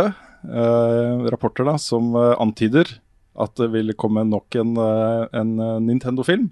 Hei. En Seth Rogan solo Donkey Kong-film. De skal allerede lage en franchise. De skal lage Nintendo Cinematic Universe. Ikke sant? Det, de må jo gjøre det. Ja, Ja. det er du gæren. Å, herregud. Å, men se for deg om 20 år så kommer Smash. Ja. Ja. Alle filmene sammen igjen. Ja, for Ja. det er jo Avenger Potential allerede Ja, her. det Liksom. er Smash Endgame. Ja. Det er veldig morsomt også. Um, jeg syns den memen nå med Chris Pratt som skal voice den ene, ja, ene Mm. etter den andre, er veldig morsomt. Mm. Det ser ut som ekte nyhetssaker. Bare sånn uh, Chris Pratt to voice Garfield. Men det er sant. Ja, er det sant? Ja, han skal være Garfield. Ok, for da er det alle de andre Ja. etterpå som jeg syns er morsomme. Men jeg må jo Vi har jo Altså, navnet er jo klart på den Smash-filmen. Da må jo bli Final Destination. Ja. Ja. Det er en film som heter alt. Ja. Eller mange filmer, men de får bare ta det tilbake. Ta det tilbake. Ja. Sånn apropos, da. Jeg hadde egentlig ikke med den nye saken, men uh, Sakurai har jo gjort et intervju med Famitsu, som er det store japanske spillmagasinet, hvor han uh, sår da tvil om fremtiden til uh, Smash. Han uh, sier at, at han er ikke på langt nær sikker på om han kommer til å være involvert. Og han vet ikke hvor lett det er å liksom, fortsette serien uten han. da. Så han sier at han er ikke sikker på om det noen gang kommer noe mer Smash. Da, da, hørte vi, da har vi lest to forskjellige intervjuer. Ok, For, eh, Kanskje jeg jeg, jeg, jeg fikk motsatt eh, tolkning. Det? Fordi folk har tenkt at liksom, nå er det lenge til det kommer mer Smash. Mm. Dette har liksom vært slutten. Men at han var litt mer sånn Nei, det kommer jo sikkert mer Smash. Bare vet ikke når og, og sånn. Du har sikkert lest det nøyere enn meg, vet du.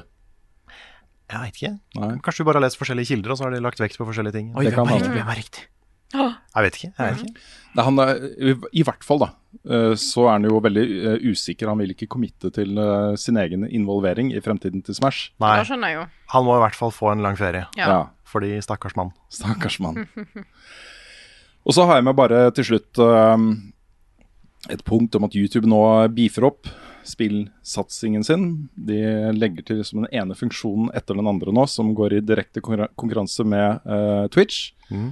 Og jeg har det med egentlig mest eh, for en eh, invitasjon til refleksjon, da. rundt eh, streamingplattformer vi bruker. Ja, Vi kan si shit og bitch så mye vi vil Ja, på YouTube nå. ikke sant? Og det, er- det er jo noe. Ja, det gjør vi hele tiden. Ja, Det da, hele tiden. da må vi utnytte det, så klart. Ja. Jeg vil bare være sikker på at YouTube ikke tar eh, noe sånn som de gjorde en gang for noen år siden, der de plutselig banna en hel drøss med folk for de hadde brukt emotes i en chat. Ja, Der det var lagt opp til at du skulle bruke emotes for å stemme på ting i chatten, Ja. og så blir de utstengt fra hele Google-kontoen sin. ja. Og det inkluderer jo eh, Drive og Gmail og hele de greiene der. Og da kan det ikke skje. Og Mm. etter da så har jeg på en måte Vi må være sikre på at YouTube og Google ikke gjør noe sånt, for da er, da er jo krise. Mm.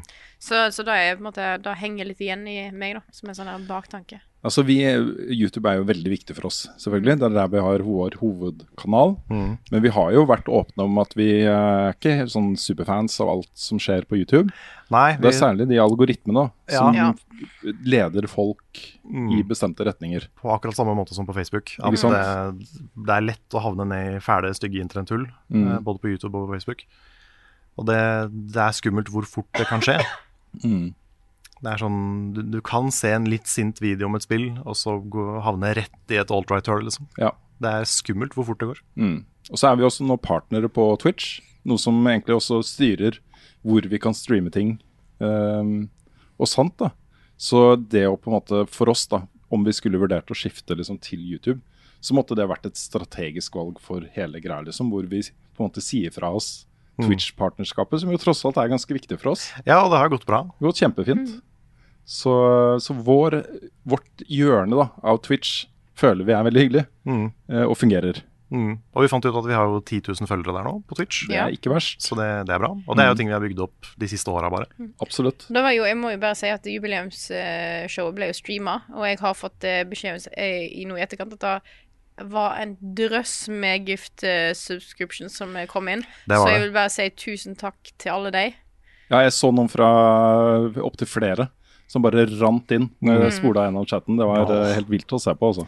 Vi hadde jo ikke sjanse til å følge med på det underveis, Nei. Nei, men, eh, men ja, tusen hjertelig takk på etterskudd. Ja, jeg har sett liksom bruddstykker her og der, og den stemninga i chatten. Jeg så f.eks. da du eh, hadde din sang Ditt sangnummer, Frida. Ja. For en stemning i den chatten her, altså. ja, vi så det i går kveld, vi òg. Det var jo helt eh, ekstremt. Det var ja. Det, nei, det, var, det var en feedback jeg ikke var forberedt på. At det skulle på en måte være så stor hype rundt det. Så da må jeg bare si tusen takk til. Det gir jo Det gjør det veldig Det gjør det veldig gøy å gi sånne ting som dette her. Mm. Gir mer smak. Og så I tillegg da, ehm, eh, så har jo da Twitch kommet med et motsvar til YouTubes eh, økte satsing. Og det er da å introdusere en ny kategori for streaming, som er da dyr. Kjæledyr. Eller Ja. dyr, da. Dyrestreams. Ja, altså YouTube kan takke catvideos for mye, så det er ikke er sikkert det er så dumt. Nei, det er helt sant. Varenes best, hvordan fredag sist har Carl egentlig sopp? Ukens spørsmål. Vi starter med litt mer eh, om showet, for da klarer vi ikke å slutte å snakke om akkurat nå. Når Nei. først vi skal ta det opp, så må vi ta det denne uka. Det er fra Jon Magnus Restad. Han skriver Hei og takk for i går. Levde tiårsjubileet opp til forventningene. Og så har han òg Og ble du rørt, Rune? Jeg var rørt, altså. Sånn ordentlig på ekte. Og det var jeg egentlig hele den dagen. Fra liksom eh, vi kom inn i lokalet her og begynte å tenke på at her skjer det snart og sånne ting. Og det er, det er noe spesielt også, å samle en gjeng med folk som eh, vi liker, og som liker oss, for å feire en såpass stor del av livene våre. da. Um, det, er, det er noe veldig spesielt også. Og jeg er eh, glad i dere og de andre i Level Up. Jeg er glad i communityet vårt. Eh, og det er viktig for meg. Det betyr mye for meg. Eh, og det å markere det på den måten, da blir det litt spesielt også. Jeg er stolt, stolt av det vi har fått til også. Jeg er det. Det, det er litt rørende. Så er det jo stas da, å ha liksom ungene er store nok til å kunne sitte i salen på et show vi har. Om ikke hele showet, så i hvert fall deler av det. ikke sant? Og kona. Det, er, eh, det er litt morsomt, altså. Så ja, jeg var rørt. Og er fortsatt rørt. Men det, det, for meg så levde det absolutt opp til forventningene. Jeg, eh, når vi begynte å snakke om på en måte, billettsalg og hvor mange vi skulle ha, og sånt, så tenkte jeg jo jeg håper, jeg håper det er 100 som har lyst til å komme, tenkte jeg. ja, Og så ble det jo full sal. Det gjorde det. Mm. Da var jeg, da, jeg var helt uh, Det er så kjekt å se at folk har lyst til å komme og se på, se på oss, liksom. Mm. Ja, nei, det, er, eh, det var en litt sånn lettelse at det faktisk ble utsolgt. Mm. Ja.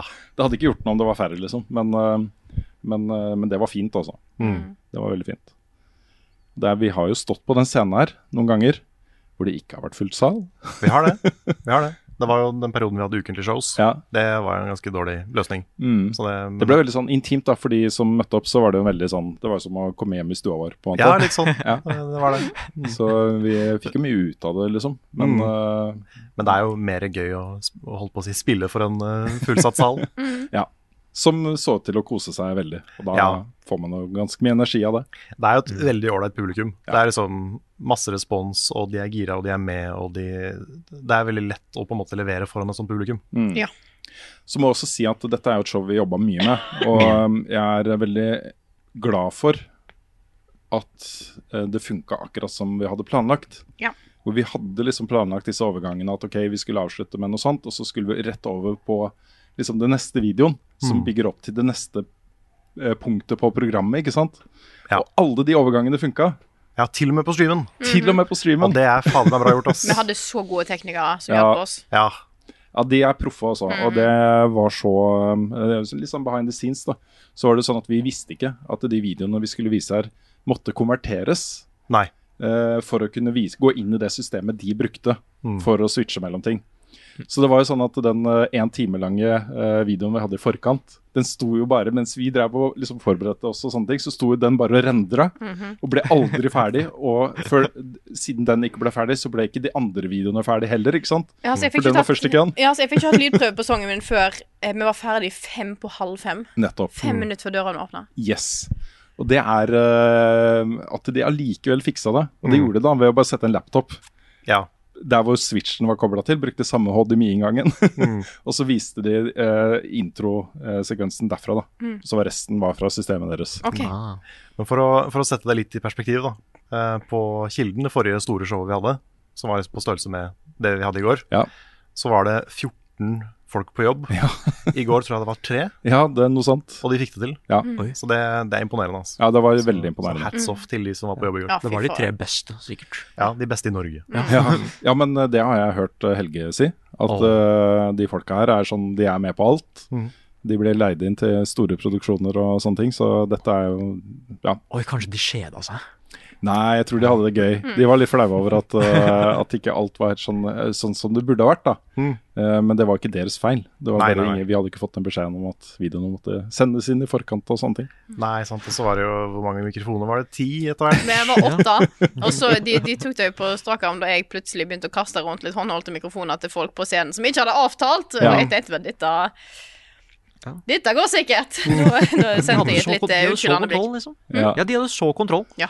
Mm. Ja, det føles veldig godt også. Og det er sånn, når man ser det, at det er sånn i starten Mm. Ok, her er alle som skal ha lyd, har lyd, bortsett fra Svendsen, men det var en liten Det var hans Det Det var var liten- tilkoblingen, liksom. Ja, dårlig connection. Ja, Det hadde ikke noe med, med deres jobb å gjøre.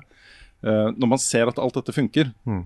konsekvensen er at man slapper av, og så konsentrerer man seg om de tingene man skal konsentrere seg om. ikke sant? Ja. Det blir så mye mindre skummelt å ha show og livestream samtidig med de folka neste gang. Ja, det er helt fordi sant. vi vet at de er gode. Så vi kommer til å kreve. Vi kommer til å kreve, for jeg, nå vet jeg at man skal kreve autoritet. Ja, ikke Ja. sant? Man skal, mm. Så Nei, men det var uh, veldig bra. Jeg syns det er uh, kanskje da ved siden av Kilden-showet uh, den beste produksjonen vi har hatt da, på en scene. Mm. Og det er dødskult. Veldig, veldig fornøyd med det. Absolutt. Så da, forhåpentligvis så kan vi livestreame flere shows i fremtiden. Ja, Det, det er planen. helt sant. Yes. Eh, noen som har et eh, nytt spørsmål på laget? Jeg har et kjapt et her, Ja. Ok. fra Norton Johansson. Eh, unnskyld, eh, Norton Jonasson.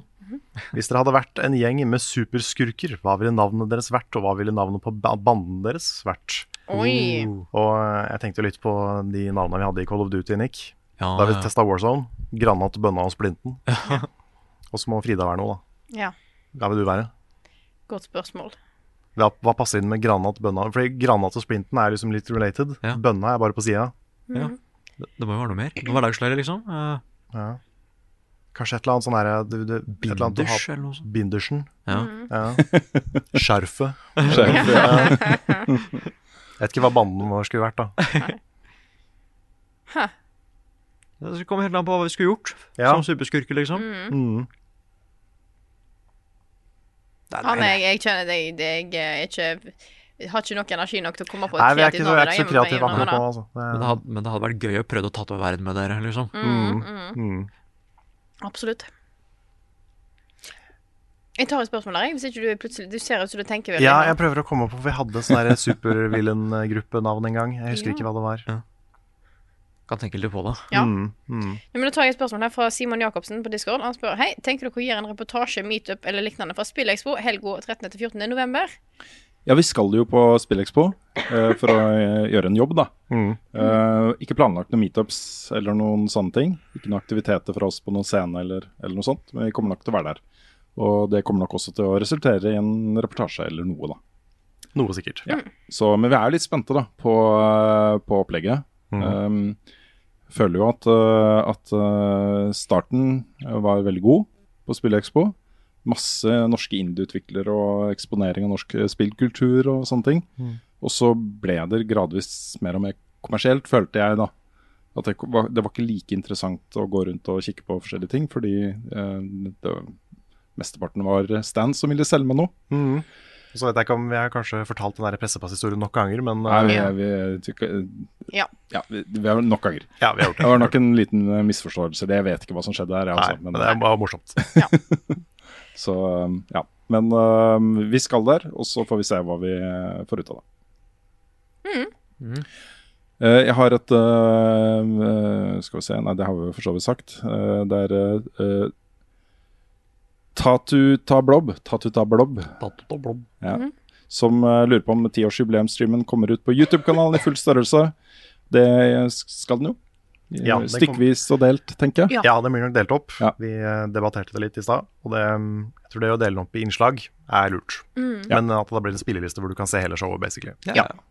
Så vi vil ikke fjerne noe, vi vil bare på en måte kutte den på strategiske tidspunkt. Ja. Og det, det som er litt spesielt, er jo at, uh, at med unntak, da For vi har, hadde jo lagt inn noen sånn 10-15 minutters pauser innimellom med høydepunkter Mm. i overganger. Eh, men med unntak av det, så var jo hele showet sånn tju, tju, tju. Ja. Men det var jo forskjellige ting, liksom. Det var forskjellige spalter. Mm. Så um, ja. Så vil jo da hele showet vil jo ligge på uh, Twitch-kanalen vår. Yes, så skal jeg sørge for at den blir arkivert. Gjør det. smart. Veldig viktig. Og så er jo den, de highlight-videoene vi har eh, spilt av, de har vi jo i full kvalitet liggende på PC-en. Så da kan vi legge ut de istedenfor at dere må se det liksom som en sånn komprimert stream, ikke sant. Mm. Ja, Så det blir litt, eh, litt bedre. Skjær. Har du et? Ja, fordi problemet er at det, det som også var så gøy i år, var at jeg fikk ansiktene til mange som jeg har sett i chatten. Ja. Andersson. Og jeg møtte også da på Carl Drogo, men jeg finner ikke spørsmålet hans. Han var så hyggelig, han skulle stille et bra spørsmål, men jeg finner ikke. Nei. It, da må du stille neste gang. Ja. Men det er et annet spørsmål her fra, på Patreon fra Richard Dale, som spør Hva tror dere blir det neste steget for konsoll? Føler konsoll har tatt igjen PC på grafikk i forhold til hva det koster? Kan det virkelig bli bedre? Og det første jeg tenker på, det er feedback, sånn som kontrollen og sånn. Egentlig bare det du ikke får gjort med tastatur og mus, Ja, det sant, som kontrollen kan gjøre isteden. Ja. Nå er jo uh, DualSense er jo støtta native nå av eh, Steam. Så uh, hvis utviklerne vil, så kan du legge til på en måte den samme type feedback-mulighetene da, Mm. som man har på konsoll. Men det er et poeng, altså. Dette med tilgjengelighet og kvalitet på konsollspill er Det er veldig bra. Ja.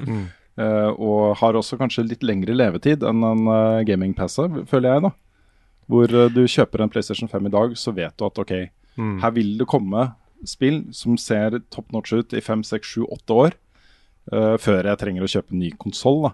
Ja. Mens kjøper du en PC med et toppspekka grafikkort, så vet du at om to år så har det kommet tre nye generasjoner av eh, skjermkort.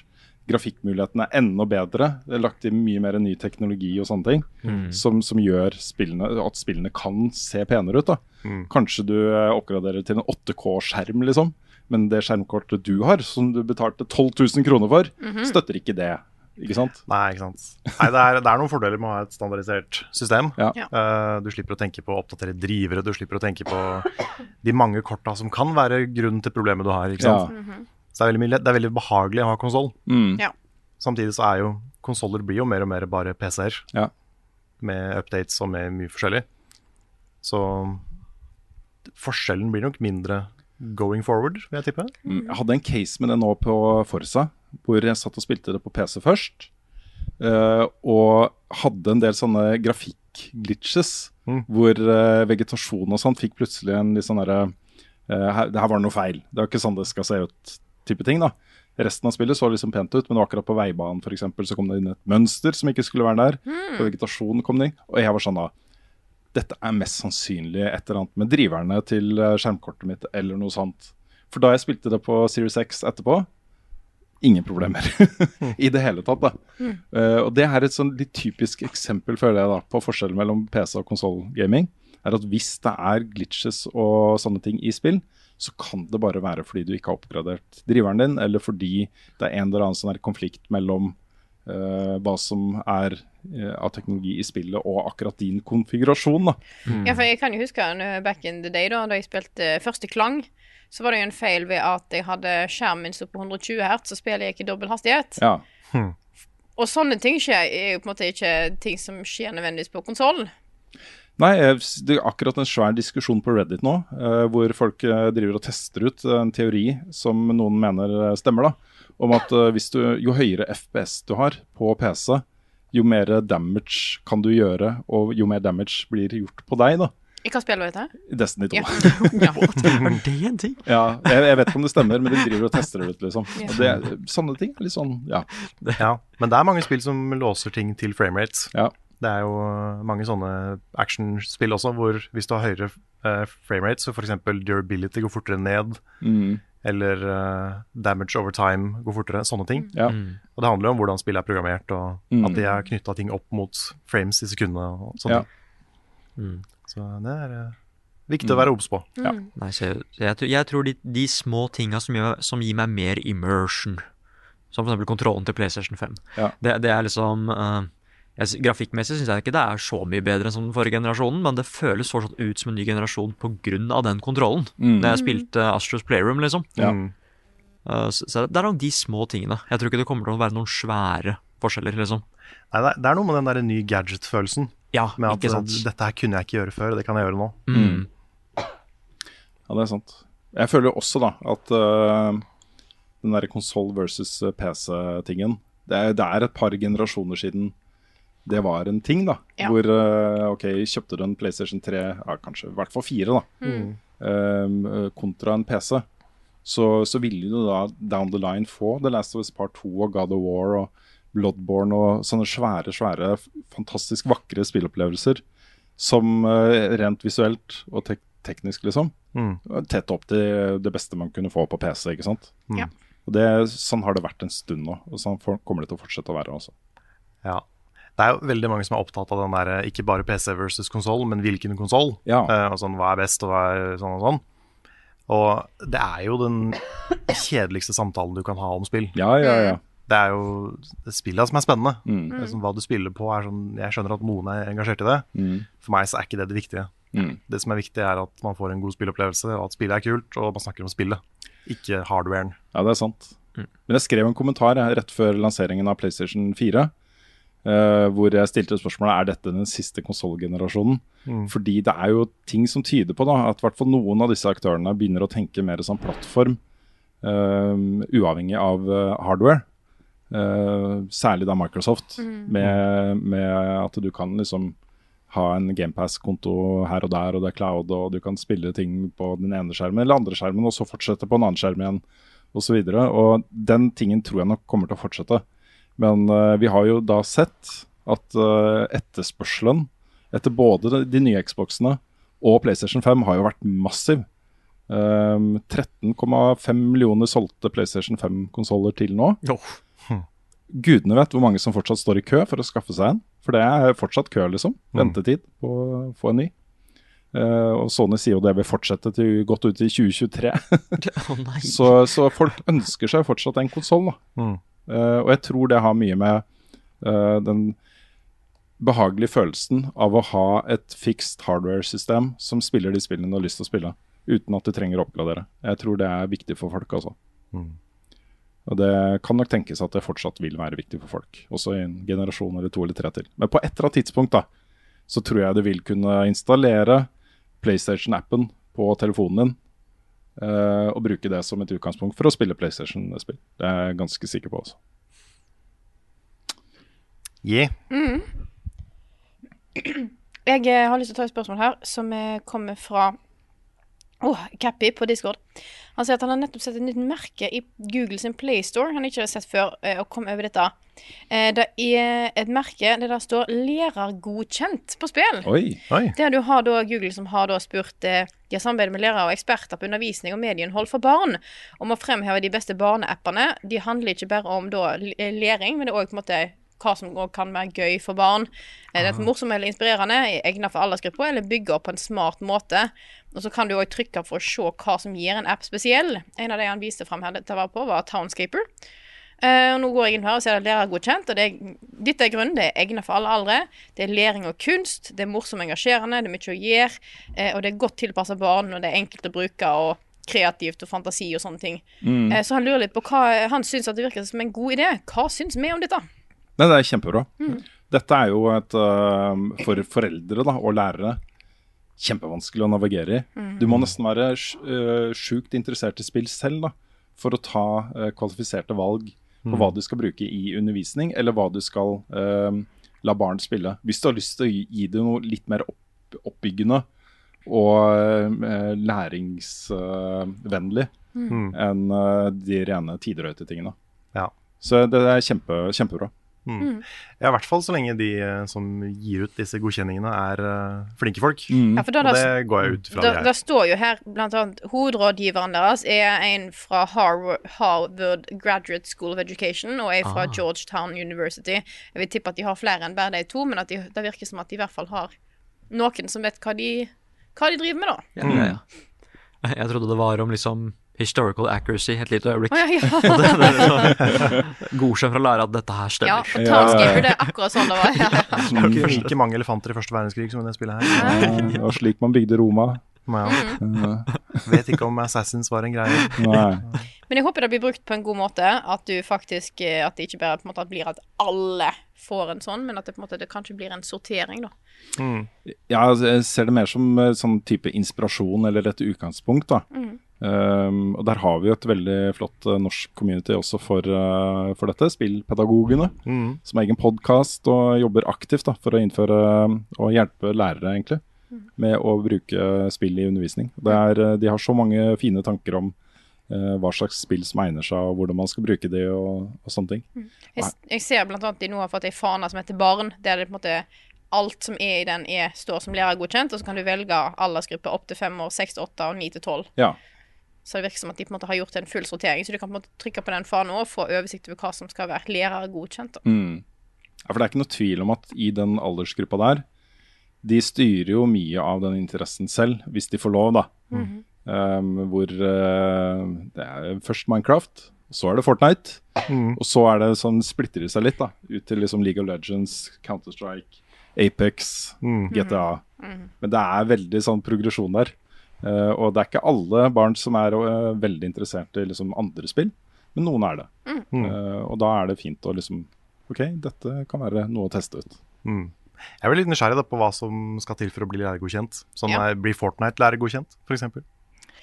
Nei, det er da, da jeg ser, når jeg ser her, så er det mye sånn eh, Noen av de går på eh, tegning, eller på lære seg å telle. Eh, nå må jeg nyse.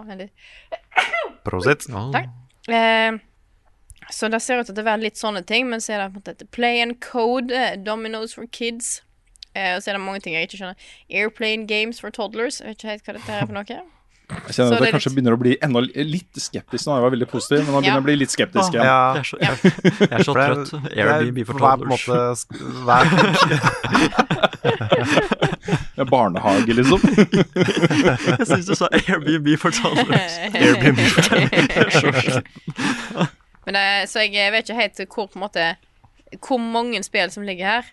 Det er for det, det jeg har veldig sansen for med, med spillpedagogene, Mm. er at de, de kommer jo fra en genuin og brennende interesse for spill. Ja, for det må være et element av det òg. Ja, For dette her skal jo være på en måte ikke bare at det skal være pedagogisk, men det skal òg være på en måte ting som er gøy, men som er, de har på en måte sortert ut at dette er safe for ungene dine å spille. på en Ja. måte. Men da, ikke sant, hvis du kommer derfra, hvis du har den der interessen, så kan man jo begynne å bruke Stanley Parable Ja. for liksom narrativ og sånne Ja. ting. Man kan Ja. begynne å bruke Limbo og Inside Ja, det er det. og, og, så- og så videre, da. Også Det er så mange interessante uh, Night in the Woods. Mm. Det er så mange spennende, gode spill som kan brukes som en brekkstang inn i liksom læring, da. Ja, ja, for så lenge det blir litt av det, og ikke bare sånn her hvor mange regnestykker lærer du å løse i dette spillet. Nettopp. Mm. Ja. OK. Uh, Men først så, Jeg har ikke gått veldig i dybden på dette, her, det så veldig spennende ut i utgangspunktet. så det var interessant at Townscaper var der. Også, Ja, for det var en god idé. Ja, ikke sant? Mm.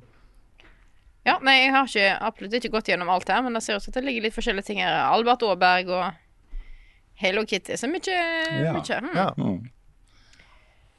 Yes. Så lenge det ikke er bare sånn derre uh, Learn how to subtract. Mm. Ja, ja, nei, da tror With jeg the- eh, With the funny, with the funny hippo. Ja, Josefines samlede verker. Der er det mye knall, da. Ja. Har dere til, eller er det eh, Ja, Vi kan ta den her fra Stefan Jensen, som lurer på om vi noen gang har vurdert å samarbeide med et norsk spillselskap for å lage deres eget level up-spill. Oh, Ja, det, det er det mange som har spurt oss om før. Det er en god idé. Det er en god idé. Det er en god idé. Mm. Og Men- vi har jo mange konsepter eh, vi har tenkt på. Ja da. Bare ikke helt the know-how til å lage det sjøl. Ja, det er sant. Vi har et par utfordringer. Det ene er at vi eh, eh, dekker jo norske spillutviklere som journalister, liksom. Eh, og det å innlede kommersielle samarbeid med de vi skal dekke, er ikke helt ok. Nei, så da måtte vi jo det teamet som lagde spillet, kunne vi jo ikke da fortsatt å dekke. Nettopp. ikke sant? Så det er jo et problem. Det er den ene tingen. Den andre tingen er at vi er egentlig ikke store nok også til å rettferdiggjøre og sette av et team til å jobbe to-tre år, kanskje, da. Eller litt avhengig av størrelsen på konseptet, selvfølgelig. Mm. Jo, uh, hvis vi lurer dem, liksom. Hvis vi lurer dem, ja. hvis vi har en skikkelig god idé, og vi bare happen to be in the game Det er liksom Sånn, eh, vi har en hovedperson, da. Si at han eh, det heter Nick, f.eks. Ikke også se på meg, men bare Ja, nei, for det er jo gode eksempler på, eh, på grupper av mennesker som ligner litt på oss, Mm. som har lagd spill, som er veldig morsomme. Mm. Um, også folk som ikke ligner så mye på oss, Uh, med PewDiePie for eksempel, har jo eget Ja, spill. Angry Video Game Nerd. Ja, Ja, litt sintere enn oss. litt sintere. Uh, men uh, Game Grumps for eksempel, laget spill. Ja, Men det jeg har veldig sansen for hvordan de har gjort det. Mm. For de har jo ikke spill om Game Grumps. Nei, De har laga spill om helt andre ting. nettopp. Det der eh, Soviet Jump Game er jo et Battle Royale-plattformspill. Og eh, Dream Daddy er jo en dating-sim. nettopp. Ja, det kunne Så, vi gjort. mm.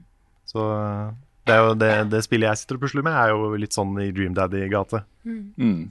Jeg tror kanskje vi måtte funnet et selskap som bare kan programmering og, og artwork.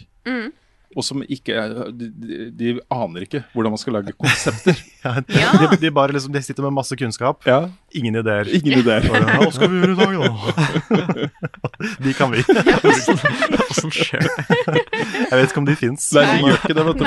All, alle sånne spillselskaper starter fordi de har en, en eller annen idé om et spill som de brenner for å lage, ikke sant? Ja, jeg har gått på spilldesign, og alle hadde lyst til å være the idea guy. Nettopp. Og det er en greie, dessverre. Mm. Det var litt morsomt også ved det intervjuet med Tom Ivar eh, og Klang 2 i går. Mm. For han gjør alt. Mm. Han lager jo artworken, han programmerer det, han gjør alt. Det er animasjoner og alt unntatt musikken. da. Ja, da det tok han ikke sånn. Nei, det tok han ikke. Eh, men han, han ville jo også være the idea guy. Det var det han egentlig hadde lyst til å gjøre. Og så sitte og komme med de gode ideene og styre liksom, retningen på spillet og den type ting. da.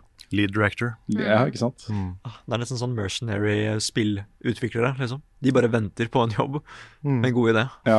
Men vi, men, vi, men vi kan komme så langt med en god idé. Ja, ja. Du sitter der liksom eh, uke etter uke og bare programmerer de kuleste animasjonene og sånne ting, men det er bare sånne der, eh, stick figures. Ja. Det var ingenting å bruke det på. Nei, Nei, men ja, noe. løsningen er kanskje å lære oss å lage spill selv. Noen av oss gjør jo det. Ja, ikke programmering av det gjør jeg ikke. Det er, eh, jeg bruker bare sånne engines som har drag and drop og sånne ting. Mm. Så det er det jeg alltid gjort. RPG Maker og nå eh, Tyranno Builder. Ja, Ja. Så det syns jeg er gøy. Men det, det blir jo ikke like proft når man ikke bygger det sjøl. ja det er sant. Nei, men jeg vil finne ut av det første Darkest Dungeon. Fordi det er still frames, liksom. Mm. Artstylen gjør nesten halve jobben. Ja.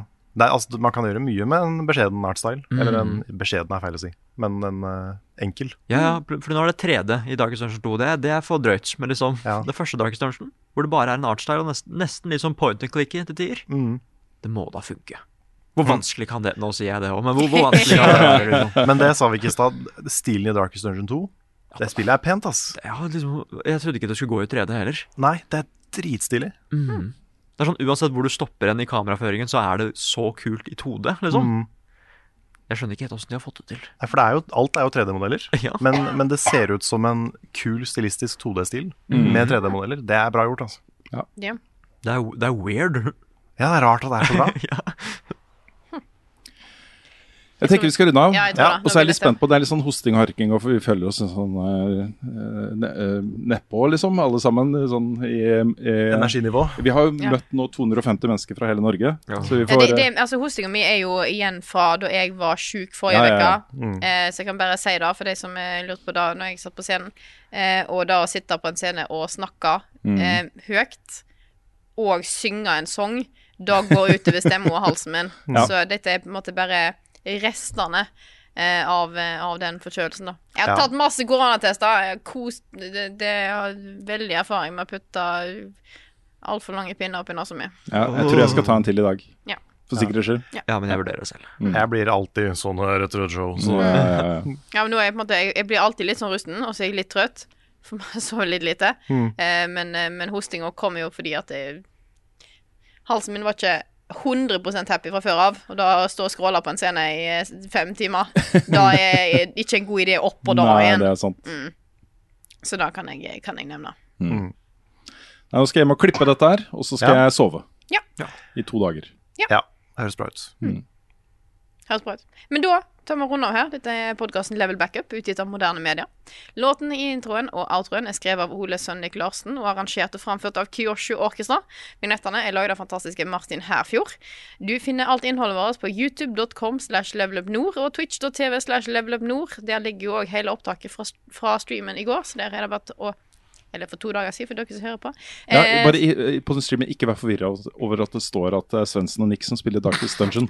Nei, det er fordi det ble, det, fordi det ble, det ble endra etter at vi starta. Ja, ikke Derfor sant? så ble det markert som det. Ja, vi spilte i sju timer. jeg kommer til å endre det på highlighten. Ja, vi lager en highlight, og så kaller vi den for det. Ja. Jeg endra det sånn ett minutt etter vi gikk live. Sånn at eh, For de som fulgte med, så sto det da. Ja. Yes. Ja. Um, ja, nei, eh, følg oss gjerne der hvis du vil få med deg, eh, få med deg neste gang vi går live.